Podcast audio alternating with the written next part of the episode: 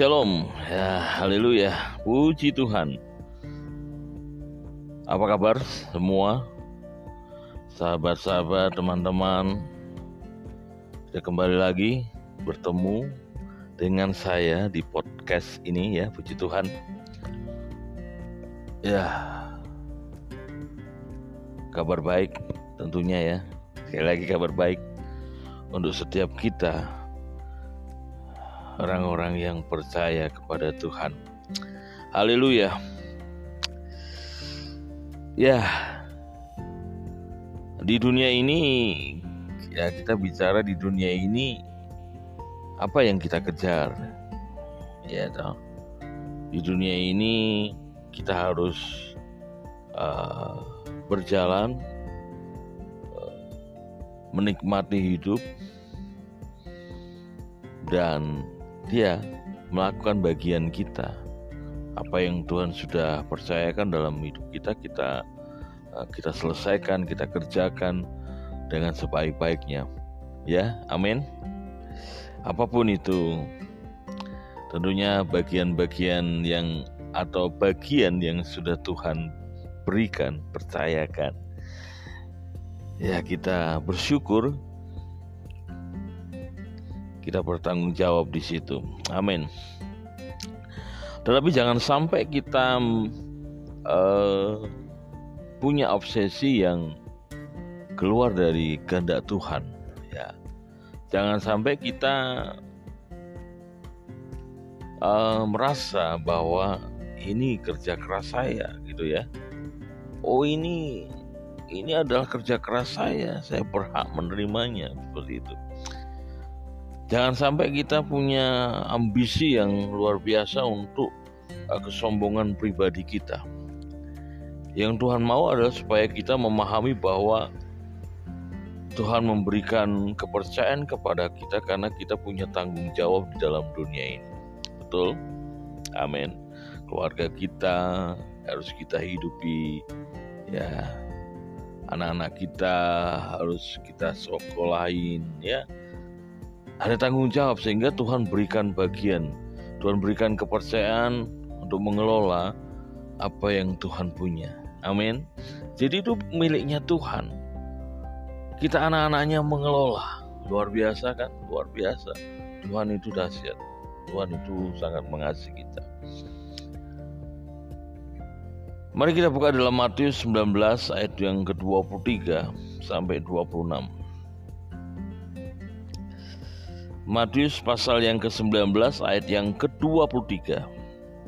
Sampai 26 demikian firman Tuhan. Yesus berkata kepada murid-muridnya Aku berkata kepadamu sesungguhnya sukar sekali bagi seorang kaya untuk masuk ke dalam kerajaan sorga.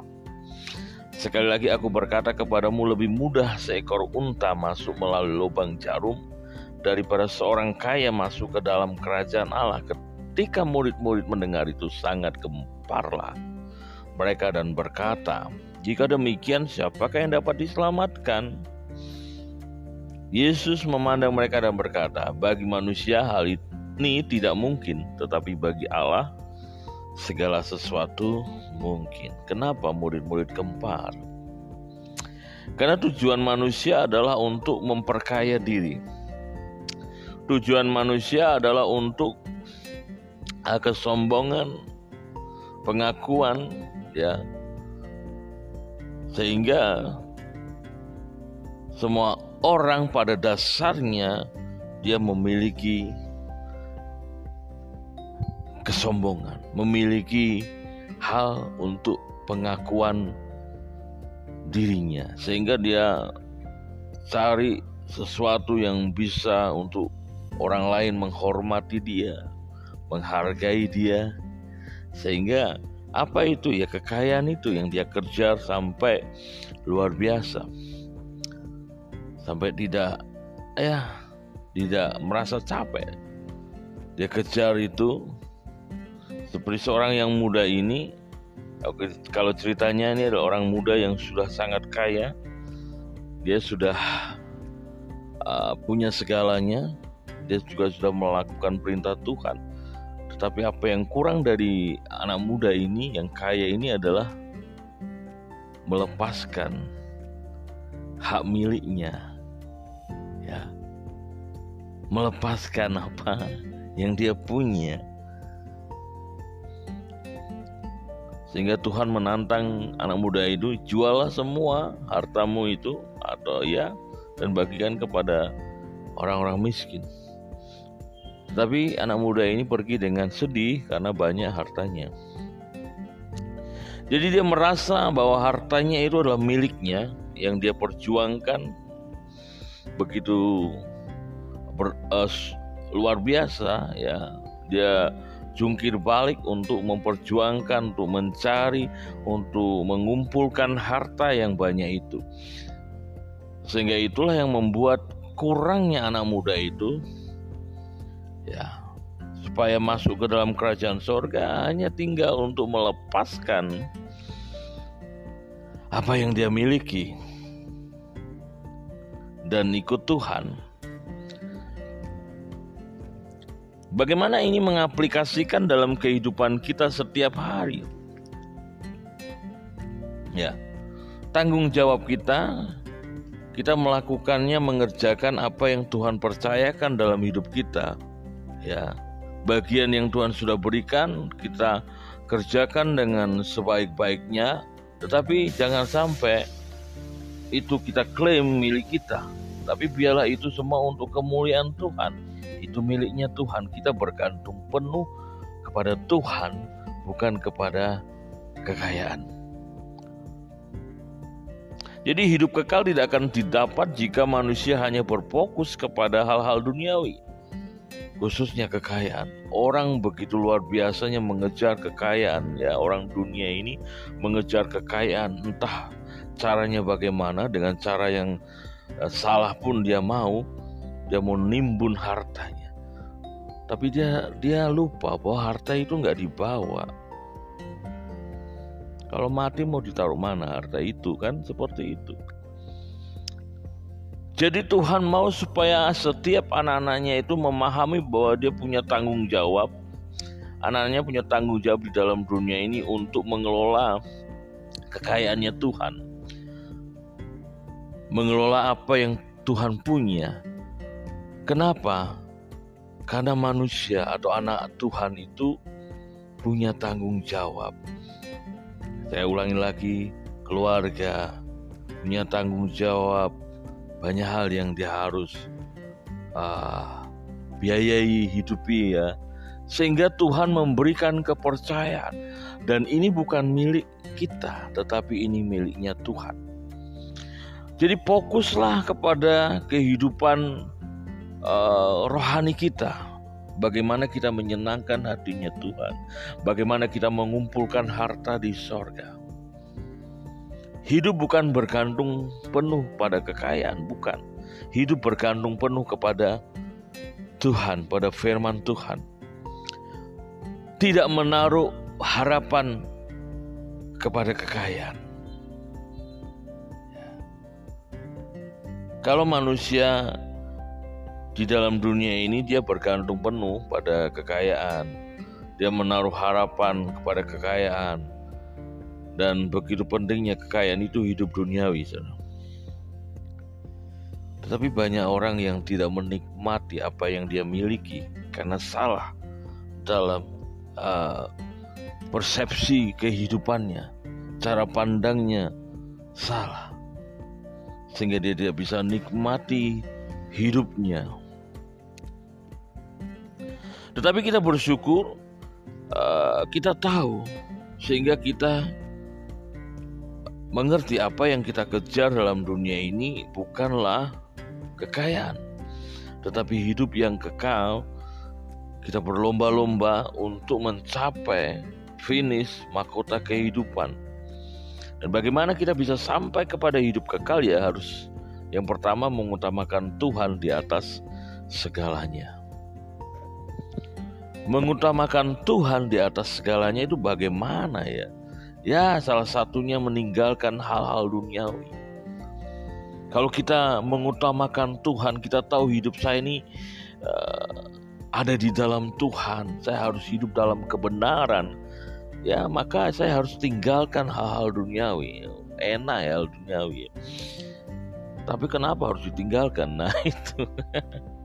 Banyak orang tidak bisa meninggalkan hal duniawi karena begitu menikmatinya seolah-olah tidak merasa takut dan salah di hadapan Tuhan. Nikmati yang kesenangan-kesenangan dunia. Ah nantilah pikiran itu nantilah dan nantilah yang penting nikmati dan nikmati nah itu ya Nah itu tidak bisa dibungkir memang itulah manusiawi. Tetapi kita yang tahu, mengerti, memahami kita harus tinggalkan hal-hal duniawi itu ya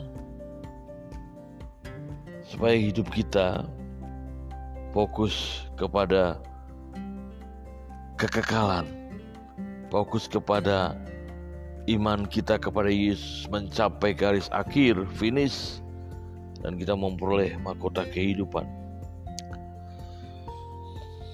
Kalau firman Allah di dalam 1 Korintus 2 ayat yang ke-14 mengatakan tetapi manusia duniawi tidak menerima apa yang berasal dari roh Allah karena hal itu baginya adalah suatu kebodohan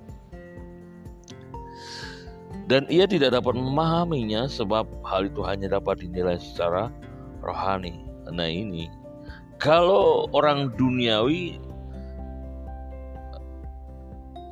dia tidak akan bisa memahami hal-hal rohani. Ya. Orang-orang duniawi tidak bisa memahami hal-hal rohani yang berasal dari roh Allah. Karena baginya itu adalah suatu kebodohan, tidak dapat memahaminya. Tetapi kita orang-orang yang percaya anak-anak Tuhan itu kita memahami bagaimana kita harus hidup di dalam Tuhan. Kita adalah manusia rohani. Kita harus tinggalkan hal duniawi, kesenangan-kesenangan duniawi. Akhirnya hidup kita ini kalau kita ambil keputusan saya harus meninggalkan hal-hal duniawi maka kita akan memahami kehendak Tuhan. Semakin dibawa Tuhan untuk mengerti ya tujuan kehidupan kita di dalam Tuhan. Sehingga kita semakin hidup di dalam kebenaran dan kita semakin jauh meninggalkan kehidupan lama atau dosa. Tidak lagi mau hidup di dalam dosa. Saya sering mengatakan dosa itu uh, dirancang oleh iblis ya. Iblis menawarkan sesuatu yang menarik sesuatu yang menyenangkan manusia sehingga dosa itu dikemas begitu luar biasa menyenangkan oleh iblis sehingga manusia tertarik dan terjerumus terjebak di dalamnya. Hati-hati. Tetapi kita bersyukur kita mau tinggalkan hal-hal duniawi karena kita mengutamakan Tuhan di atas segalanya. Ya kalau kita mau kejar hidup yang kekal maka kita tinggalkan yang namanya hidup duniawi ya. 1 Korintus 2 ayat yang ketujuh Tetapi yang kami beritakan ialah hikmat Allah yang tersembunyi dan rahasia yang sebelum dunia dijadikan telah disediakan Allah bagi kemuliaan kita. Kita orang-orang yang rohani memahami bahwa kita diselamatkan, keselamatan yang besar yang luar biasa. Hikmat Allah untuk keselamatan manusia ini. Kita memahami mengerti. Kita tahu rahasia Allah yang dahsyat itu. Kita dipilih sebelum dunia dijadikan. Kita diselamatkan sebelum dunia dijadikan. Luar biasa oleh pengorbanan Tuhan. Dan manusia duniawi tidak memahaminya manusia duniawi akan berkata mengapa Tuhan harus mati ya kan? Mengapa Tuhan harus jadi manusia? Manusia duniawi itu. Tetapi bagi kita kita bersyukur kita ada di dalam rencana Allah yang besar dahsyat yang luar biasa membawa hidup kita kepada kehidupan yang kekal, rencana Allah yang luar biasa. Kita mau dibawa Tuhan kepada kehidupan yang sesungguhnya di dalam kerajaan sorga. Ya, jadi yang pertama bagaimana kita mengutamakan Tuhan yaitu harus meninggalkan hal duniawi. Kita sudah ada di dalam rencana Tuhan yang besar dan sehat. Kita harus mau untuk bertumbuh, kita berlomba dengan iman kita sampai kita sampai kepada finish ya memperoleh mahkota kehidupan. Yang kedua adalah bagaimana kita mengutamakan Tuhan ya kita harus fokus kepada pembentukan karakter yaitu bertumbuh di dalam Tuhan. Nah, banyak orang Kristen hanya hanya sebagai rutinitas ya ke gereja ya setiap minggu dia ke gereja rutinitas dan mungkin dia merasa bosan dan banyak hal itu karena dia nggak fokus kepada pembentukan karakter bertumbuh di dalam Tuhan. Karena kita harus sempurna seperti Kristus. Kalau kita mengutamakan Tuhan, maka hidup kita benar-benar, oh iya saya harus semangat di dalam uh, bergereja, semangat di dalam uh, menerima kebenaran, belajar akan firman Tuhan, semangat. Karena untuk pembentukan karakter dan bertumbuh di dalam Tuhan, Roma 9 ayat 20 mengatakan siapakah kamu hai manusia? Ya, Roma 9 20. Siapakah kamu hai manusia? Maka kamu membantah Allah. Dapatkah yang dibentuk berkata kepada yang membentuknya, "Mengapa engkau membentuk aku demikian?" Tuhan membentuk kita untuk dijadikan hal-hal yang dahsyat luar biasa. Bahkan kita di, disempurnakan, kita dibentuk supaya sempurna seperti Kristus. Jangan sampai kita berkata, "Mengapa tuh Tuhan kau taruh aku di sini? Kau taruh aku di keluarga ini. Kenapa tuh Tuhan? Kenapa tuh Tuhan aku harus menghadapi persoalan-persoalan ini?" Mengapa engkau membentuk aku demikian? Itu seolah-olah kita berkata demikian. Jangan sampai kita membantah Tuhan. Tuhan yang uh, mengerjakan dalam hidup kita sesuai dengan maunya Tuhan, kehendak Tuhan. Kita ini tanah lihat, bejana tanah lihat yang dibentuk Tuhan.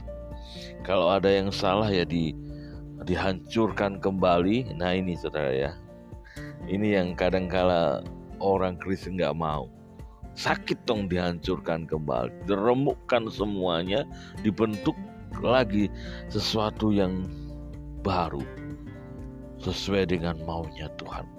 Kadangkala Tuhan uh, menghancurkan kembali ya supaya apa? Bisa dibentuk sesuatu yang sesuai dengan maunya Tuhan. Aku nggak mau Tuhan. Mengapa engkau membentuk aku demikian? Nah itu. Mengapa aku harus mengalami hal demikian? Tetapi orang yang mengutamakan Tuhan dalam hidupnya, dia akan fokus kepada pembentukan karakter ini. Ya Tuhan. Karena tujuannya adalah tujuan yang mulia, tujuan yang luar biasa. Bertumbuh di dalam Tuhan gak mudah memang. Sehingga anak muda tadi dia pergi dengan sedih karena banyak hartanya serang. Dia pikir itu harta miliknya. Dia kuasai dengan sepenuh hatinya. Kalau dijual aku ke mana, aku bagaimana kan itu. Itu yang menjadi pikiran anak muda itu. Tetapi Tuhan itu luar biasa. Karena Tuhan bisa melihat, membaca hidup manusia, melihat hati manusia, bagaimana dia dengan hartanya. Bagaimana dengan kehidupannya? Ya, anak muda ini dilihat dia menggantungkan sepenuhnya kepada kekayaan. Ya. Dan Tuhan menantang, saya ulang lagi Tuhan menantang, jual semua itu dan kasih kepada orang miskin. Ikutlah aku. Ini sesuatu yang luar biasa dan tidak semua orang bisa. Ini yang dikatakan Tuhan membentuk dan kita tidak bisa membantah Tuhan. Maka kamu membantah Allah? Ya, siapakah kamu, hai manusia? Maka kamu membantah Allah. Kalau kita fokus kepada pembentukan karakter, kita berserah di dalam tangannya Tuhan, biar Tuhan yang membentuk aku. Nah ini, mau ndak dibentuk Tuhan kan seperti itu. Maunya mau ndak dibentuk Tuhan, itu dibentuk Tuhan ya. Kalau bejana itu ada yang rusak otomatis bukan ditambal saudara. Bukan dibentuk dihancurkan dibentuk lagi. Ada sesuatu yang oh ini kurang bagus. Tuhan melihat ya diremukkan lagi dibentuk lagi. Ya rasanya seperti itu. Tetapi itu ada hal yang sangat baik bagi kita karena ya kalau bagi orang duniawi tidak akan memahami nggak mau dia sakit ngapain aku diginiin Tuhan tapi bagi kita orang-orang rohani, ya kita orang-orang rohani yang memahami kehendak Tuhan, maka kita akan memahami, mengerti ya Tuhan. Satu Yohanes 2 ayat yang ke-6. 1 Yohanes 2 ayat yang ke-6 Barang siapa mengatakan bahwa ia ada di dalam dia, ia wajib hidup sama seperti Kristus telah hidup. Nah ini, sudahkah kita hidup sama seperti Kristus yang mau uh, menurut akan kehendak Tuhan? Dia taat kepada Bapa Kristus hidup hanya menurut apa yang menjadi kehendak Bapa. Kristus adalah kasih. Tuhan itu adalah kasih. Dia hidup dengan mengajarkan kasih. Bagaimana dengan hidup kita? Sudahkah kita hidup sama seperti Kristus telah hidup?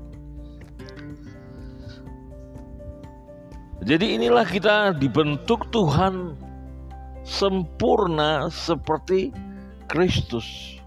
Gak mudah.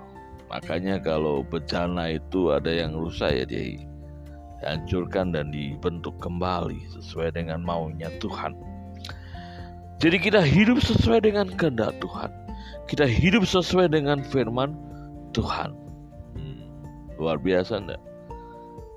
Kita sekarang enggak bukan bukan di permukaan ya orang kali orang uh, anak Tuhan tuh sering kali senangnya yang minum apa makan yang susu makan susu dan susu nggak mau yang makanan keras hanya di permukaan saja tapi Tuhan mau supaya kita dibentuk karakter hidup kita sehingga kita ya sama seperti Kristus punya karakter.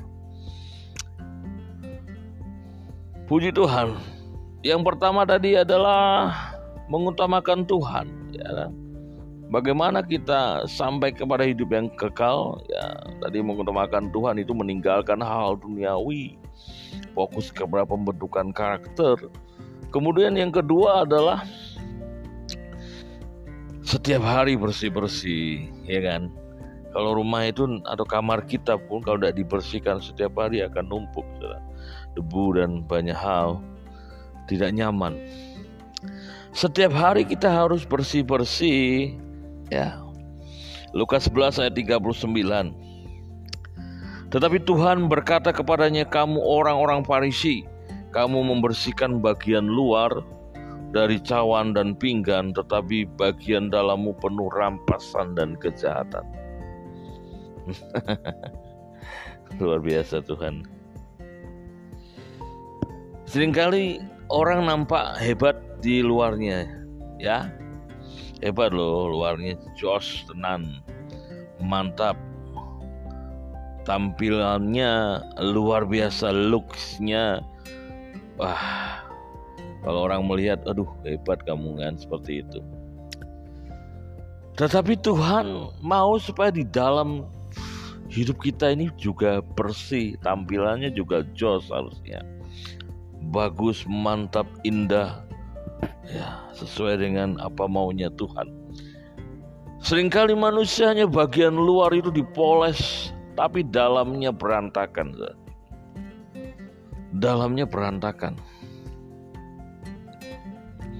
Ini banyak seperti ini kita tidak ya. Kita tidak seperti itu.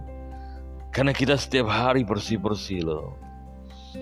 Bersih-bersihnya bukan di luar saja tetapi di dalam kalau rumah kita kita bersihkan tiap hari kan nampaknya indah.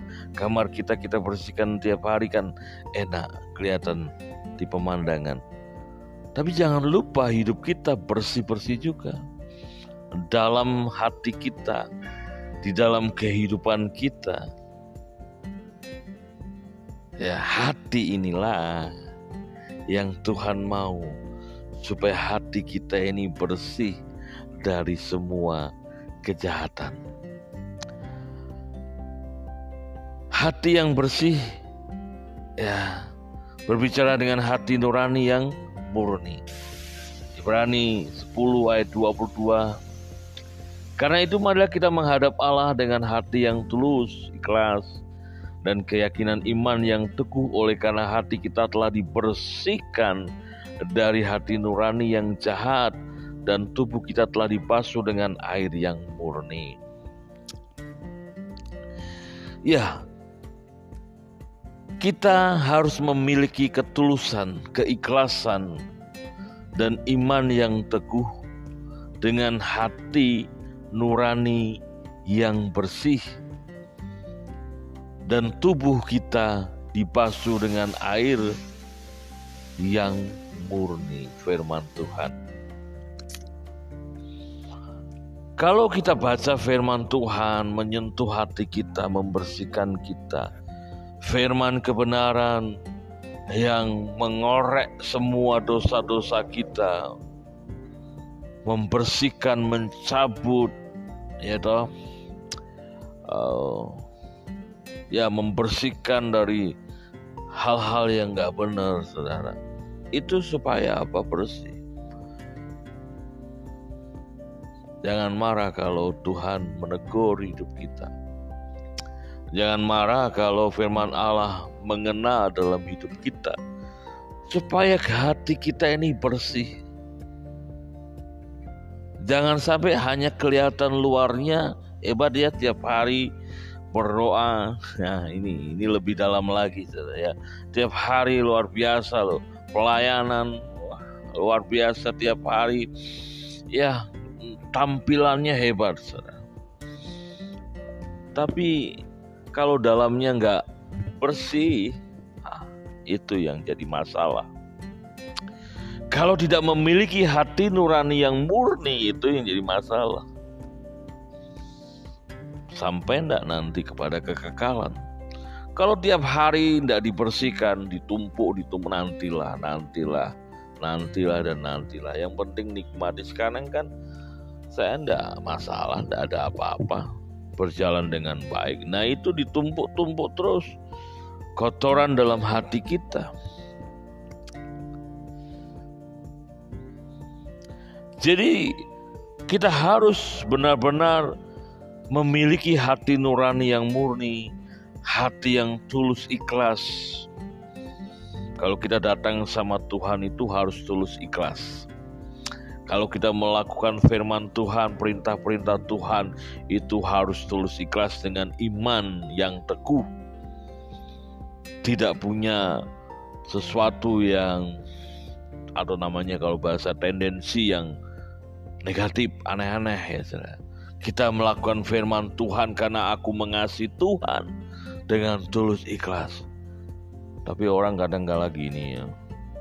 Aku mau lakukan firman lah biar aku nanti diberkati Tuhan. Terus tadi, terus belum Tuhan menguji, belum dikasih. Nah ini terus gimana ya kok kok enggak enggak diberkati? Lu kok kenapa ini Tuhan? Nah, aku kan aku kan sudah melakukan firman, aku kan sudah melakukan perintah. Jadi dengan hati yang tulus, ikhlas, sungguh-sungguh karena aku mengasihi Tuhan dengan iman ya melakukannya. Tidak ada tendensi yang aneh-aneh. Itulah dikatakan kita harus memiliki hati nurani yang murni, bersih-bersih dari semua kejahatan, bebas dari semua kepahitan. Nah, Efesus 4 ayat yang ke-31 jelas segala kepahitan, kekeraman ya Efesus 4 Efesus 4 ayat 31 segala kepahitan, kekeraman, kemarahan, pertikaian dan fitnah hendaklah dibuang dari antara kamu demikian pula segala kejahatan. Inilah ketika kita mengutamakan Tuhan, maka kita akan membebaskan hati kita dari segala kepahitan, membebaskan hidup kita, melepaskan ya, dan tidak lagi ada kepahitan, tidak lagi ada kekeraman, tidak ada, ada lagi kemarahan, tidak ada lagi pertikaian dan fitnah. Itu dibuang, dibuang, dibuang. Itu artinya membersihkan setiap hari. Aku ojek sakit hati sama orang itu. Nah itu, aku kok masih. Nah itu harus dibersihkan menjadi manusia yang nah iya kalau kita baca ini manusia yang baru itu memang harus meninggalkan atau membuang semua itu. Ini tidak mudah masih banyak kita anak-anak Tuhan itu masih ada seperti ini karena dia tidak bersih-bersih Haleluya. Tiap hari nggak bersih-bersih. Dibiarkan menumpuk. Ya akhirnya menumpuk-menumpuk dan itu yang akan membuat sakit penyakit. Kita harus bebas dari semua kebaikan. Dan kita harus melepaskan yang namanya pengampunan. Nah, ini penting pengampunan. Kalau setiga ayat yang ke-12 sampai 13. Kalau setiga ayat yang ke-12 sampai 13. Karena itu sebagai orang-orang pilihan Allah yang dikuduskan dan dikasihnya, kenakanlah belas kasihan, kemurahan, kerendahan hati, kelemah lembutan dan kesabaran. Sabarlah kamu seorang terhadap yang lain. Ampunilah seorang akan yang lain. Apabila yang seorang menaruh dendam terhadap yang lain sama seperti Tuhan telah mengampuni kamu, kamu berbuat jugalah demikian. No, itu loh. Ya, itulah.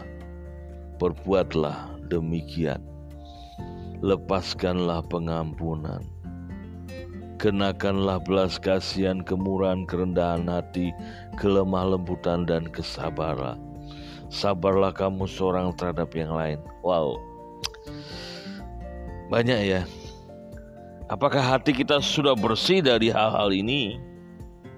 Apakah kita sudah melakukan yang namanya belas kasihan, melakukan kemurahan, melakukan kerendahan hati, melakukan kelemah lembutan, kesabaran. Nah ini belajar setiap hari. Artinya kita lakukan itu. Kita mau hati kita ini adanya hal-hal yang sesuai dengan firman Tuhan. Maka kita harus bersih-bersih setiap hari bersih-bersih dan bersih-bersih setiap hari. Kalau orang itu malas bersih-bersih, ya sudah akan kotor, menimbulkan penyakit. Kalau sudah menimbulkan penyakit hati, berbahaya. Ngambek sama Tuhan, ya caci maki keluar dan banyak hal sudah. Karena akhirnya menimbulkan penyakit. Bukan penyakit yang jasmani, penyakit hati. Dan ini akan berpengaruh kepada tubuh. Jadi kita harus bersih-bersih ya. Dan akhirnya ya kita membungkusnya hidup kita ini dengan ketaatan kepada Tuhan. Titus 2 ayat 9 sampai 10. Titus 2 ayat 9 sampai 10. Hamba-hamba hendaklah taat kepada tuannya dalam segala hal dan berkenan kepada mereka, jangan membantah. Jangan curang, tetapi hendaklah selalu tulus dan setia, supaya dengan demikian mereka dalam segala hal memuliakan ajaran Allah, juru selamat kita. Kita taat kepada Tuhan, maka dalam kehidupan kita pun kita taat kepada pemimpin kita. Kita taat kepada orang tua kita. Kita taat kepada pemerintah juga. Nah, itu artinya kita benar-benar sebagai anak-anak Tuhan yang um, melakukan ketaatan di dalam kehidupan kita. Karena kita juga taat kepada Kristus. Supaya kehidupan kita ini memuliakan Allah karena kita taat taat kepada Tuhan dalam bentuk ya banyak hal dalam hidup kita. Kalau kita sedang menghadapi persoalan hidup, tetap taat kepada Tuhan. Kalau kita sedang menghadapi penderitaan, kita tetap taat kepada Tuhan. Nah, Yohanes 3 ayat 36, barang siapa percaya kepada anak, ia peroleh hidup yang kekal. Tetapi barang siapa tidak taat kepada anak, ia tidak akan melihat hidup, melainkan murka Allah tetap ada di atasnya. Jadi bungkus hidup kita dengan ketaatan kita kepada Tuhan. Artinya, apa pun yang terjadi dalam hidup kita, Tuhan sedang kerjakan apa dalam hidup kita, kita tetap taat. Maka itu akan membawa kita kepada kemenangan, finish, mendapatkan mahkota kehidupan. Kita akan bersama-sama dengan Tuhan di dalam kemuliaan. Amin. Ya, saudara yang dikasih Tuhan, kita sudah belajar firman Tuhan begitu banyaknya. Kita mau uh, merealisasikan, melakukannya dalam setiap langkah hidup kita. Kita mau mengutamakan Tuhan di atas segalanya. Kita mau setiap hari bersih-bersih sehingga hidup kita luar biasa di bawah Tuhan sempurna seperti Kristus. Amin. Puji Tuhan. Tuhan Yesus memberkati kita.